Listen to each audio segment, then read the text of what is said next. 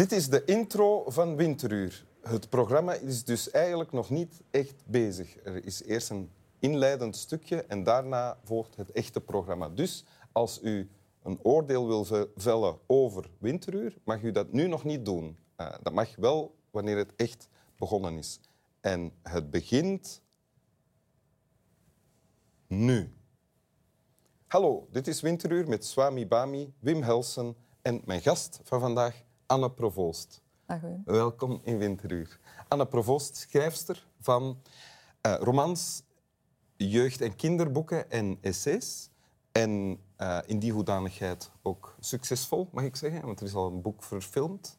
Dat is mhm. toch niet niks, hè? Vallen. Ja, vallen. Je hebt de hoe heet het, driejaarlijkse cultuurprijs van de Vlaamse gemeenschap gewonnen. Mm -hmm. voor In de zon kijken. Ja, precies.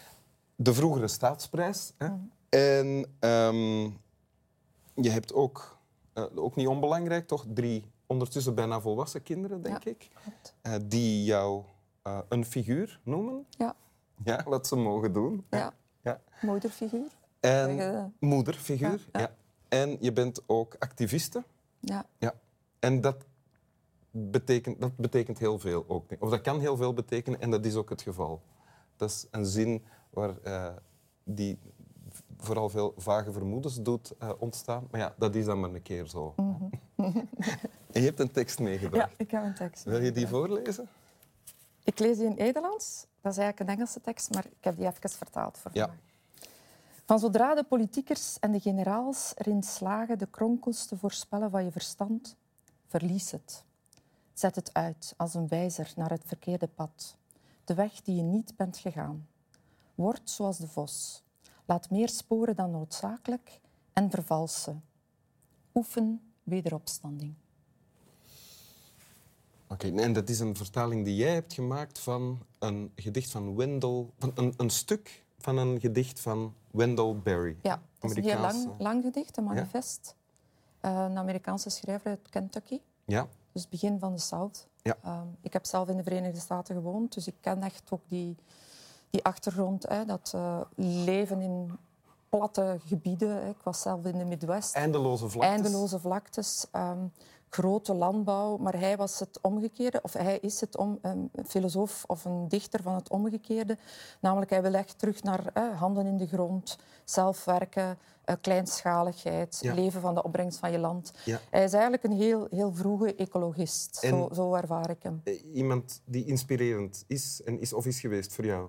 Um, ik ken alleen dit gedicht van hem. En dat is een heel inspirerend gedicht, omdat hij heel, heel mooie dingen zegt in dat gedicht. Uh, Zoals? Bijvoorbeeld een van de dingen die hij zegt... Uh, geef je liefde aan iemand die het niet verdient. Ik vind dat echt een heel mooie wijsheid dat hij mij daar verkoopt. Waar we, en zeker met jou, eh, zeker een kwartier over zouden kunnen bezig zijn. Maar we gaan het hebben over wat je hier hebt meegebracht. Ja. Hè? Ja. Zodra de politiekers en de generaals erin slagen de kronkels te voorspellen van je verstand verlies het. Zo begint het. Ja. Dat klinkt een beetje als een motie van wantrouwen tegen, tegen de politiekers. Zo zou je het kunnen horen, ja. Maar ik, ik, bedoel het niet zo. Ik denk dat we moeten vaststellen, en dat is al lang zo, maar nu nog uh, duidelijker dan ooit, dat die politiekers eigenlijk altijd achter de feiten aanlopen. Wij moeten, wij moeten eerst zijn. Als burgers moeten wij eerst handelen. En de politiekers die gaan volgen. Waarom? Omdat die uh, zich dan realiseren dat als ze draagvlak hebben dat ze dan ook opnieuw verkozen zullen worden. Dus het is, ik vind politicers nodig. Ik vind dat dat mensen zijn die een heel uh, relevante job uitoefenen. Maar ik denk niet dat we op hen mogen wachten. We kunnen niet wachten tot zij tot beslissingen overgaan voor wij moeten ageren. Ja. En daar komt natuurlijk mijn, mijn ecologisme kijken. Maar waarom verlies je dan je verstand? Ja, dat is natuurlijk ook waar mijn uh, schrijverschap hier... Uh... Want, sorry, verlies het, dat is verlies het verstand, hè? Uh, ja, word zot. Hè. Of wees zot. Uh, wees, wees niet... Uh, doe niet wat zij verwachten dat jij gaat doen. Maak valse bewegingen. En dat doe jij door te schrijven? Ik doe dat onder meer of door, onder te andere door te schrijven. Ja, ik doe dat niet alleen door te schrijven. Ik denk dat wij ook proberen om uh, voor te zijn op tendensen die wij aanvoelen die nodig zijn. Hè. Dat kan over verkeer zijn, de luchtvervuiling, et cetera, et cetera. Maar het schrijven is natuurlijk ook een manier bij uitstek waarop je dat doet, omdat je je dan afzondert op een aparte plek en je gaat daar bijna letterlijk je verstand verliezen. Je gaat daar de logica van je alledaagse leven van je afzetten. En je gaat een what-if eh, verzinnen. Je gaat je voorstellen van hoe zou de wereld ook nog kunnen zijn. En daardoor leg je dingen bloot en laat je dingen zien waar je voor Hoe zou de wereld ook nog kunnen zijn? Hoe zou het ten kwade kunnen evolueren? Of hoe zou het veel beter kunnen gaan? Allebei die paden. Ik denk dat, je, dat, dat er... Eh, ja, ik heb al dikwijls gezegd, er is heel veel plek in, in het brein van ieder mens, maar ook van een schrijver. Uh, zoveel plek dat je ook alle contradicties kunt toelaten bij elkaar. Dus dat kan daar lekker botsen. En zeker in een fictieverhaal, zeker in een roman, kun je eigenlijk twee dingen naast elkaar laten bestaan. Net zoals iedereen altijd zijn tegenstrijdige principes naast elkaar kan laten bestaan. Ik kan zeggen van ik moet ecologischer leven en toch vliegen. Wij kunnen daar, ons brein kan dat blijkbaar doen. Ja.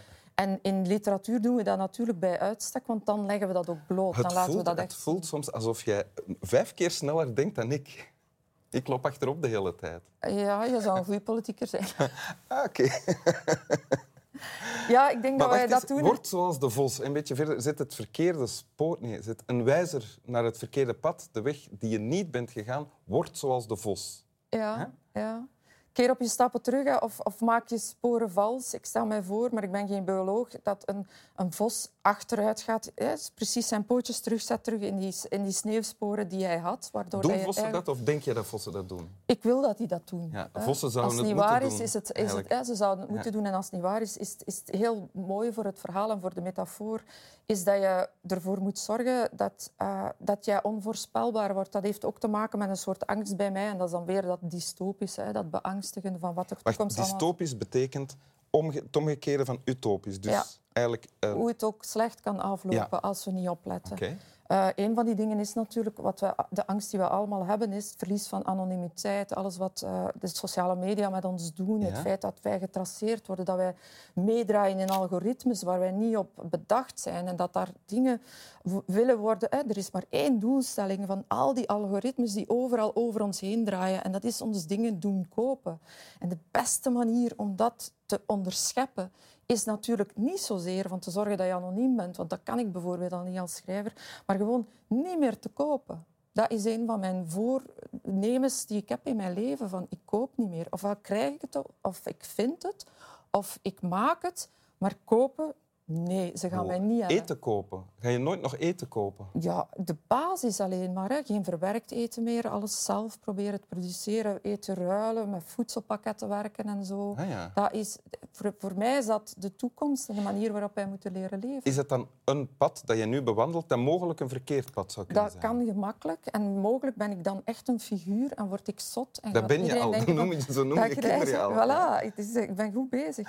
Um, maar ik wil dat pad ook één stuk gelopen hebben om op die stappen te kunnen terugkeren. En dat is ook wat ik doe in mijn fictie. Je gaat dingen exploreren en dan keer je misschien wel terug, maar misschien ook niet. Misschien blijkt dat dan het goede pad.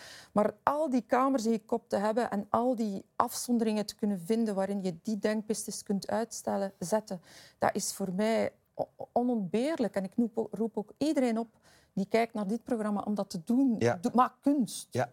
En het eindigt, het stukje van het gedicht dat je hebt gekozen, eindigt met oefen wederopstanding. Ja, wij moeten herbeginnen.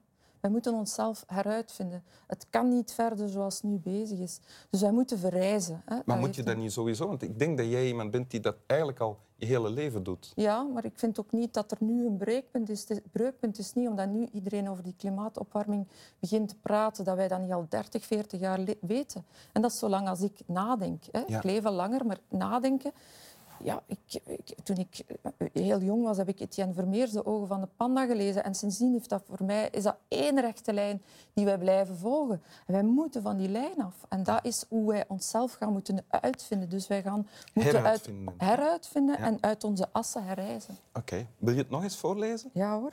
In het Engels dit keer? Ja, is goed. Het origineel. Hè? Het origineel. As soon as the generals and the politicos can predict the motions of your mind, lose it. Leave it as a sign to mark the false trail, the way you didn't go. Be like the fox who makes more tracks than necessary, some in the wrong direction. Practice resurrection. Klinkt als een opdracht voor mij, zoals je nu, nu zegt. Ja, ja, ik ben niet aan het jinxen. Oké. Dank u wel, Anne Provoost. Slaap wel mensjes thuis.